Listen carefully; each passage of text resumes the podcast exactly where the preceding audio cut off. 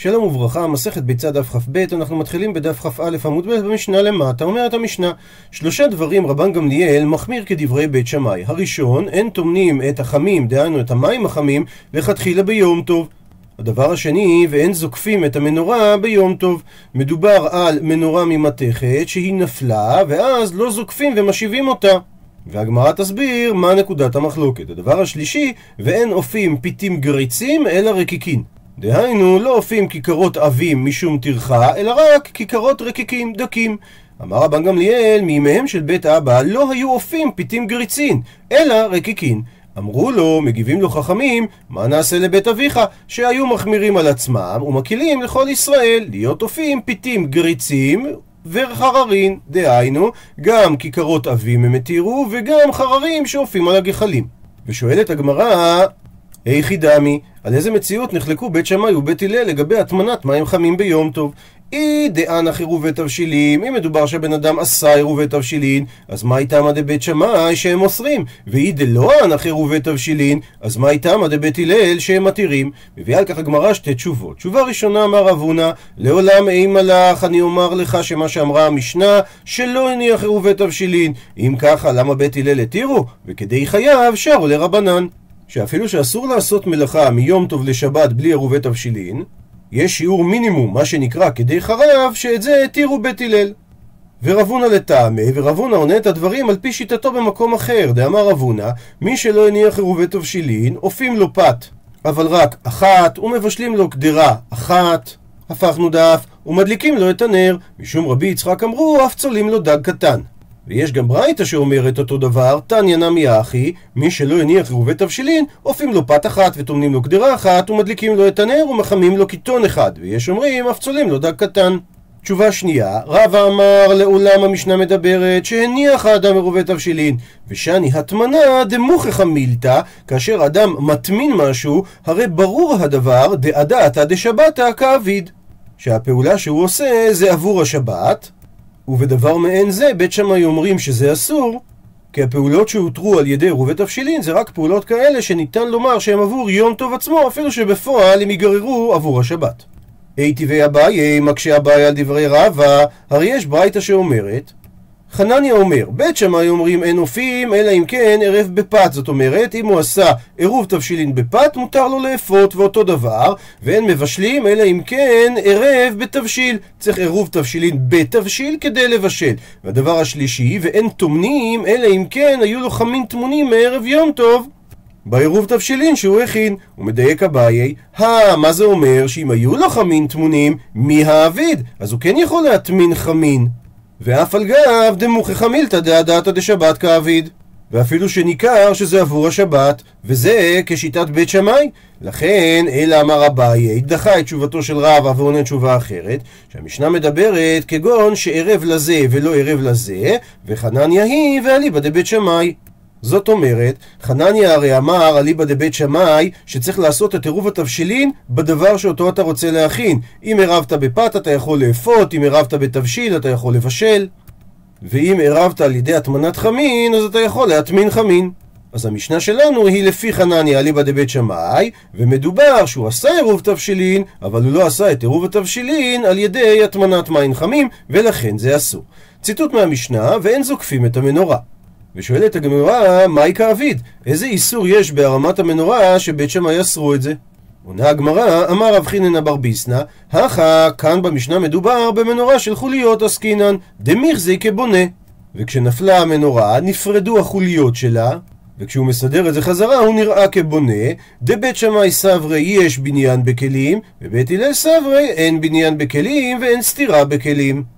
כך שלפי בית שמאי הוא בונה ולכן הוא חייב גם בשיעור קטן מאוד אפילו במנורה של חוליות. לעומת זאת בית הלל שאומרים אין תורת בניין כלים ממילא הוא אינו חייב אלא אם כן עשה מלאכה כגון ממחק או מחתך או הורג או תופר שזה אבות מלאכה לעצמם. אבל להחזיר את החוליות שאין בה אלא משום בניין אין בונה אלא בבתים ואוהלים שהם מחוברים לקרקע אבל לא בכלים. הוא מספר את הגמרא אולה איקלה לבי רב יהודה, אולה הזדמן לביתו של רב יהודה, קם שמעי, קם השמש של אולה, זקף לה לשרגא. וכאן לא מדובר על מנורה של חוליות, אלא על נר של חרס.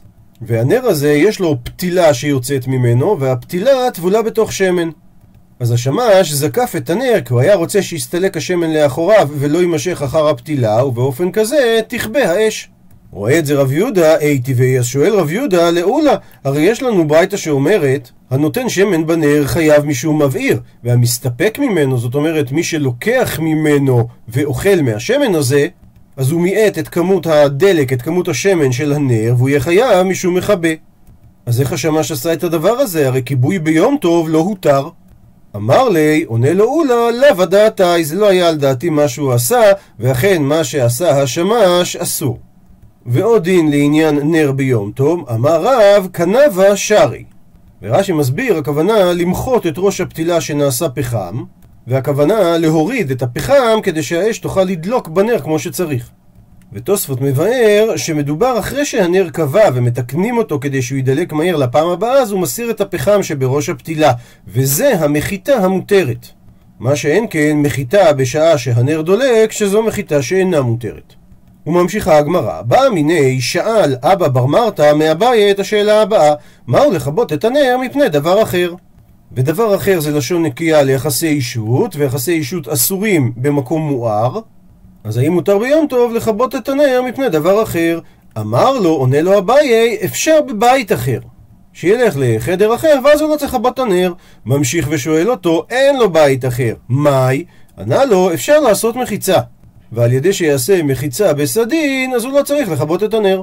ממשיך לשאול אותו, אין לו לעשות מחיצה, אין לו סדין. אז מה, מה יהיה הדין? עונה לו אביי, אפשר לכפות עליו את הכלי. באופן כזה שהוא לא יכבה. ממשיך לשאול אותו, אין לו כלי. מהי? אמר לי, אסור. אי טבעי, אז מקשה לו אבא בר מרתא, שהרי כתוב בברייתא, אין מכבים את הבקעת, דהיינו גזיר עץ דולק, אם המטרה היא כדי לחוס עליה, אבל אם המטרה היא ואם בשביל שלא יתעשן הבית או הגדרה, מותר. כי אם הוא מכבה אותה כדי לחוס עליה, שיהיה לו חומר בעירה לפעם אחרת, אז אין הכיבוי הזה לצורך יום טוב. או פירוש שני שאומר רש"י, אני שמעתי דאבלה סותר על מנת לבנות במקומו. אבל אם הוא עושה את זה כדי שהבית לא יתמלא עשן, או כדי שהקדרה לא תישרף, אז זה אומר שזה מותר כי זה צורך יום טוב, כי זה מדובר עבור הנעת היום. ולכאורה לפי זה היינו אומרים שגם מותר לכבות את הנר מפני דבר אחר. אמר לי, עונה לו אביי, ההיא, אותה ברייתא שהבאת זה שיטת רבי יהודה היא, כי כאמינא אנא, ומה שאני אמרתי לך שאסור לרבנן. שרבי יהודה אומר שמכשירי אוכל נפש מותרים, והוא דורש את הפסוק יעשה לכם לכל צורככם, וממילא לפי שיטתו יהיה מותר לכבות את הנר בפני דבר אחר. לעומת זאת, אנא, אביי, שאני אוסר, כי אני אומר כשיטת חכמים, שהם דרשו, הוא לבדו יעשה לכם, דהיינו רק דבר שהוא אוכל נפש. ונשאלת השאלה, מדוע אביי לא אמר לו ישר בהתחלה שאסור? למה הוא היה צריך להגיד לו כל מיני פתרונות אחרים, ורק כשהוא לחץ אותו לפינה, הוא אמר לו שזה אסור? כדי לענות על שאלה זו, נביא את דברי התז, הרב דוד הלוי סגל, שהיה רבן של קהילות חשובות בפולין, אחד מנושאי כליו של השולחן ערוך, ומגדולי הפוסקים האשכנזים במאה ה-17.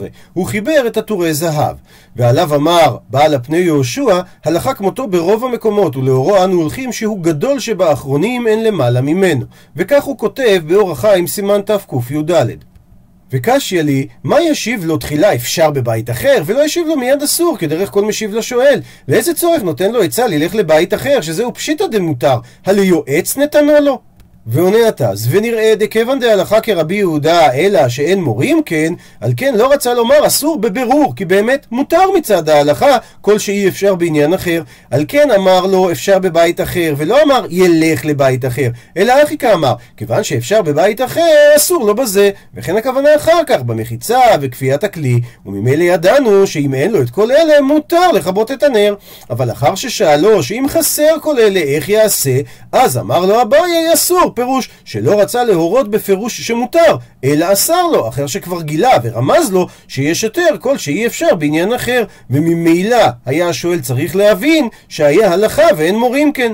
ואשתא, ועכשיו לפי ההסבר הזה, גם מסתדר מה שהוא אמר כי כאמינא אנא לרבנן, והוא לא אמר את המילים ואנא סבירה לי כרבנן. כי אביי ממשיך את אותו קו שהוא אמר קודם. האמירה שאמרתי לך היא אליבא דרבנן, לפי שאין מורים כן, כי בעצם הלכה כרבי יהודה. שאלה נוספת, בא מיני שאל אביי מרבה, מהו לכבות את הדלקה ביום טוב? הוא מסייג אביי, היכא דאיכא סכנת נפשות, היכן שהדלקה יכולה לגרום לפיקוח נפש? לא כמבעיה לי, ודאי שלא על זה אני שואל, דאפילו בשבת שרי, שאפילו בשבת יהיה מותר לכבות אותה. בסוגריים, כאשר יש דלקה בזמננו אנו, ויש כל מיני חומרים מסוכנים בבתים, זה יכול להיות תחמושת, זה יכול להיות גז, כל שריפה היא בעצם סכנת נפשות וחובה לכבות אותה. סגור סוגריים. כי כמיבא לי, מה שכן קשה לי, משום עיבוד ממון, מאי. אם יש לנו שריפה כזאת שרק ממון הולך שם לאיבוד, האם יהיה מותר לכבות אותה ביום טוב? אמר לי, עונה לו רבא, אסור. היי טבעי, מקשה עליו אביי, מהברייתא שראינו קודם, אין מכבים את הבקעת כדי לחוס עליה, ואם בשביל שלא יתעשן הבית או הקדרה, מותר. והרי אין לך עישון בית גדול מן הדלקה, וזה גם צורך יום טוב לכבות, שלא יצטרך לשב בשרב ובגשמים. אז למה רבא לא מתיר לכבות את אותה שרפה? עונה לו רבא, ההיא, הברייתא שהבאת, רבי יהודה היא, כי קמינא אנא, ואני עניתי לך לרבנן. שכפי שראינו, הם אוסרים כל מלאכה שאינה עבור אוכל נפש.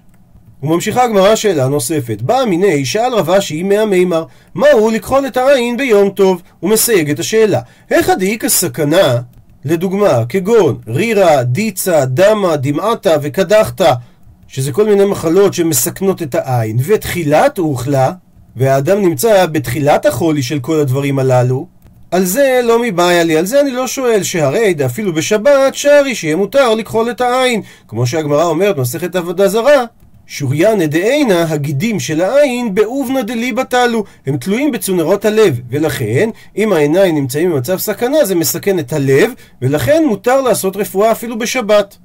כי איכא מבעיה לי, מה כן קשה לי ועליו אני שואל, סוף אוכלה ופיצוחי עינה, מהי? מה יהיה הדין כשהוא כבר קרוב להתרפות ואינו כוחל, אלא להגיע מאורו, כדי לשפר לו את הראייה. אז האם דבר כזה יהיה מותר ביום טוב? אמר לי, עונה לו המימר, אסור. אי טבעי מקשה לו מהבית אשר ראינו, אין מכבים את הבקעת. שמהמשך הביתה ראינו שמותר בשביל שלא יתעשן הבית או הגדרה לכבות את הבקעת. זאת אומרת שמותר לעשות ביום טוב מלאכה לצורך הנעת הגוף, אז למה אתה לא מתיר לכחול את העין בסוף אוכלה ופיצוחי עינה? ושני לי, והוא ענה לו כדשנין.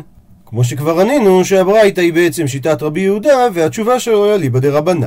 אומרת הגמרא, המימר שריו התיר למיקחל עינה מנוכרי בשבתה, לעשות את הרפואה לעין על ידי ההפוך, על ידי הכחול בשבת, איכא דאמרי יש אומרים שהמימר גופי, המימר עצמו, כחל עינה מנוכרי בשבתה, שנוכרי כחל את עינו בשבת. אמר לרבה אשי המימר, מהי דעתך? מה אתה סובר שהתרת את הדבר? דאמר אולה בריידר רב אילאי, כל צורכי חולה עושים על ידי נוכרי בשבת, ואמר רב אמנונה, כל דבר שאין בו סכנה אומר לנוכרי ועושה. אז האם בגלל שאתה חיברת את שתי המימות האלה זה גם צורכי חולה, וזה דבר שאין בו סכנה אז אומר לנוכרי? אבל הרי, הני מילי, הדברים הללו הם רק היכא דלא מסייע בידי, היכן שהיהודי לא מסייע לגול. אבל מר, במקרה של העין, כמסייע בידי, אתה כן מסייע לו. למה? דקאמיץ פתח. שהרי אתה סוגר ופותח את ריסי העיניים כדי להכניס את הכחול. אמר לי, עונה לו המימר, איכא רב זביד דקאי כבטח היה פה כבר את רב זביד שהוא הקשה לי את השאלה שאתה הקשית עכשיו, ושני לי, ואני תירצתי לו, שזה מותר כי מסייע אין בו ממש. מסביר רש"י, מי שאינו עושה מלאכה ממש, אלא רק מסייע מעט, כמו הדוגמה שהבאנו פה, והרי גם בלי שהוא יסייע, הגוי יוכל לכחול את העין, אז אין בו ממש. וכך גם אומרים במסכת שבת, לעניין זה יכול וזה אינו יכול, אז רק היכול חייב, אבל מי שאינו יכול הוא פטור, אפילו שהוא מסייע ביד היכול, כי מסייע אין בו ממש. ואומרת הגמרא שהמימר שרה למיקחל עינה גם ביום טוב שני של ראש השנה ועל כך אמר לרב אשי להמימר איך התרת את זה? ואמר רבא אם יש לנו מת ביום טוב ראשון, יתעסקו בו עממים, אבל אם יש לנו מת ביום טוב שני, יתעסקו בו ישראל, ואפילו אם מדובר בשני ימים טובים של ראש השנה.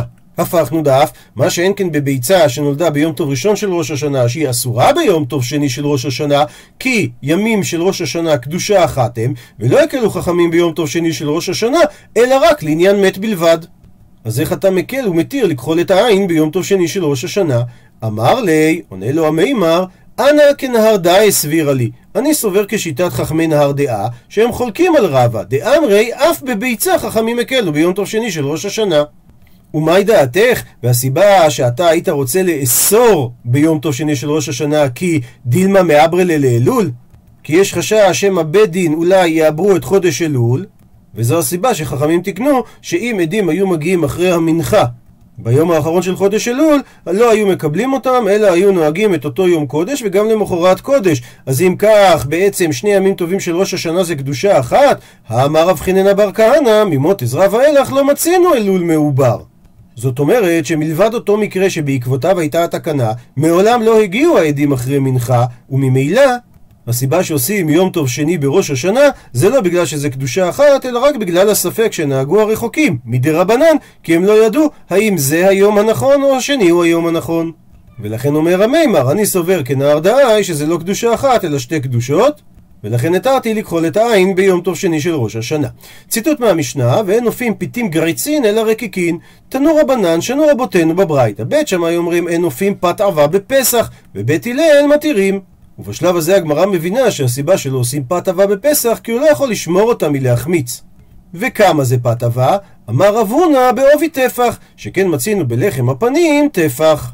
שלחם הפנים הוא היה מצה, שהרי כל המנחות באות מצה, והעובי של לחם הפנים היה טפח, כמו השם שלו, לחם הפנים. זאת אומרת, יש לו פנים, והשיעור המינימלי של פנים זה טפח. מה תקיפלה מקשה רב יוסף על דברי רב הונא? שלא ייתכן להסביר שבית הלל מתירים לעשות בפסח פת אבק כמו לחם הפנים, כי יש הבדל גדול בין לחם הפנים לבין כל דבר אחר, שהרי אם אמרו בזריזים, יאמרו בשאינם זריזים. שאת לחם הפנים בית גרמו היו אומנים וזריזים לעשות אותה. והאם תתיר לאנשים שהם לא זריזים? דבר נוסף, אם אמרו בפת עמלה, יאמרו בפת שאינה עמלה. שאת לחם הפנים, העיסה היה טעון ג' מאות שיפה, שפשוף בידו, חמש מאות בעיטה באגרוף שהיו דופקים על העיסה לפני שהיו מכניסים אותה לתנור, אז דווקא שם התירו בעובי של טפח. האם תאמר אותו דבר בכל סוגים של פת שלא עמלה, שלא עושים בה את הדברים הללו? דבר נוסף, אם אמרו בעצים יבשים, שהרי מט"ו באב היו פוסקים מלכרות עצים למערכה, ומעצי לשכת העצים היו אופים ומבשלים את כל צורכי המקדש, אז היו משתמשים בעצים כאלה שהם חומר בעירה מעולה, שהם יבשים לגמרי, אז האם יאמרו בעצים לחים? שחום התנור הוא ודאי קטן יותר. ודבר נוסף, אם אמרו בתנור חם, יאמרו בתנור צונן? שהרי את לחם הפנים היו מכניסים לתנור שמסיקים אותו בכל יום, כי הרי זה היה מיועד גם למנחות. אז איך תתיר להכניס את זה לתנור שהדליקו אותו רק עכשיו? ודבר נוסף, אם אמרו בתנור של מתכת, יאמרו בתנור של חרס? שהרי הגמרא במסכת זבחים אומרת שתנור של מקדש של מתכת היה.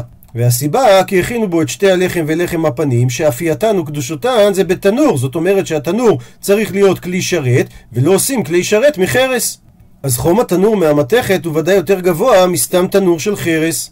ובגלל כל הסיבות האלה, לא ניתן להסביר, אומר רב יוסף, כמו שאמר רב הונא, שהמחלוקת של בית הלל ובית שמאי היא לגבי עובי הפת שמותר להכין בפסח. ולכן אמר רבי מיה בר אבא, שאילת את רבי בייחוד.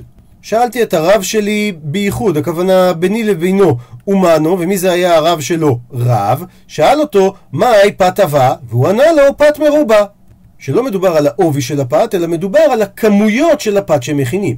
איכא דאמרי יש גורסים, אמר רב ירמיה בר אבא אמר רב, שרב הוא זה שאומר שאילת את רבי בייחוד אומנו, ומי זה הרב של רב? רבנו הקדוש. דהיינו רבי יהודה הנשיא, שהוא שאל אותו מהי פת אבה, והוא ענה לו פת מרובה. והמאי קראו לי פת אבה? למה אז קראו לזה פת אבה אם מדובר על פת מרובה? ויש שתי תשובות אפשריות. הראשונה, משום דנפישה בלישה, שכעושים הרבה כיכרות ביחד, אז באמת יש כמות מרובה רק של העיסה, ומזה יוצאים כמות מרובה של פת. אינמי, או גם שבאתרי דהי תנא, במקום של התנא ששנה את המשנה, פת מרובה, פת אבה קראו לי. ולכן הוא נקט את הלשון של פת אבה כמו שהוא היה רגיל, אבל בעצם הוא התכוון להרבה פת. שואלת הגמרא, מיכדי הרי משום דקטרח תירחא דלא צריכו, הרי הטעם לאסור לפי בית שמאי, זה בגלל שמדובר על טרחה מרובה שאינה לצורך. אז מהי עיריה פסח אפילו בשאר ימים טובים נמי? למה נקטו דווקא בפסח? הרי זה גם בשאר ימים טובים. עונה הגמרא, אין הכי נמי, אתה צודק, גם בשאר ימים טובים בית שמאי יאסרו משום טרחה מרובה. ותנא ביום טוב דפסח קאי. התנא ששנה את המשנה היה עסוק בהלכות פסח, ולכן על הדרך הוא הכניס גם את ההלכה הזאת. תניא נמי אחי, ברייתא שאומרת שאכן בשאר ימים טובים גם קיימת מחלוקת בית שמאי ובית הלל, שבית שמאי אומרים אין אופים פת מרובה ביום טוב, ובית הלל מתירים. ואומרת המשנה, בהמשך למשנה הקודמת ששם רבן גמליאל החמיר בשלושה דברים, אף הוא אמר שלושה דברים להקל. הראשון, מכבדים בית המיטות. אין הכוונה לחדר השינה, אלא בית המסיבה שאוכלים שם, שהם היו מסובים ואוכלים על גבי מיטות, ולכן לחדר אוכל שבו הם היו אוכלים, קראו בית המיטות. אז מותר את בית המיטות לטאטא ביום טוב. הדבר השני, הוא מניחים את המוגמר ביום טוב, שמותר לשים לבונה על גבי גחלים ואז זה עושה ריח טוב. הדבר השלישי, ועושים גדי מקולס בלילי פסחים. מסביר רש"י, גדי מקולס זה שקרעיו ובני מאב תלויים חוצה לו בצידו כשצולעו, והיו עושים כך זכר למקדש, שכתוב על קרעיו ועל קרבו. מקולס זה לשון גיבור מזוין, שכלי זינו תלויים לו בצידו. אז שמים את הגדי על השיפוד, ובצידו של הגדי שמים את האיברים שלו. מסיים את המשנה, וחכמים אוסרים, הם אוסרים בשלושת הדברים. בכיבוד של הבית משום השבויי גומות, כי הרצפה שלהם הייתה בלי ריצוף, אלא רצפה של אדמה. אז כאשר אתה מטאטא את האדמה, אתה בעצם משווה גומות. ובמוגמר אסור משום שזה לא צורך כל נפש. ולמדנו במסכת כתובות שכתוב אשר יאכל לכל נפש, דהיינו, רק דבר השווה לכל נפש. המוגמר לא שווה לכל נפש, אלא רק למפונקים או למי שרחו רע.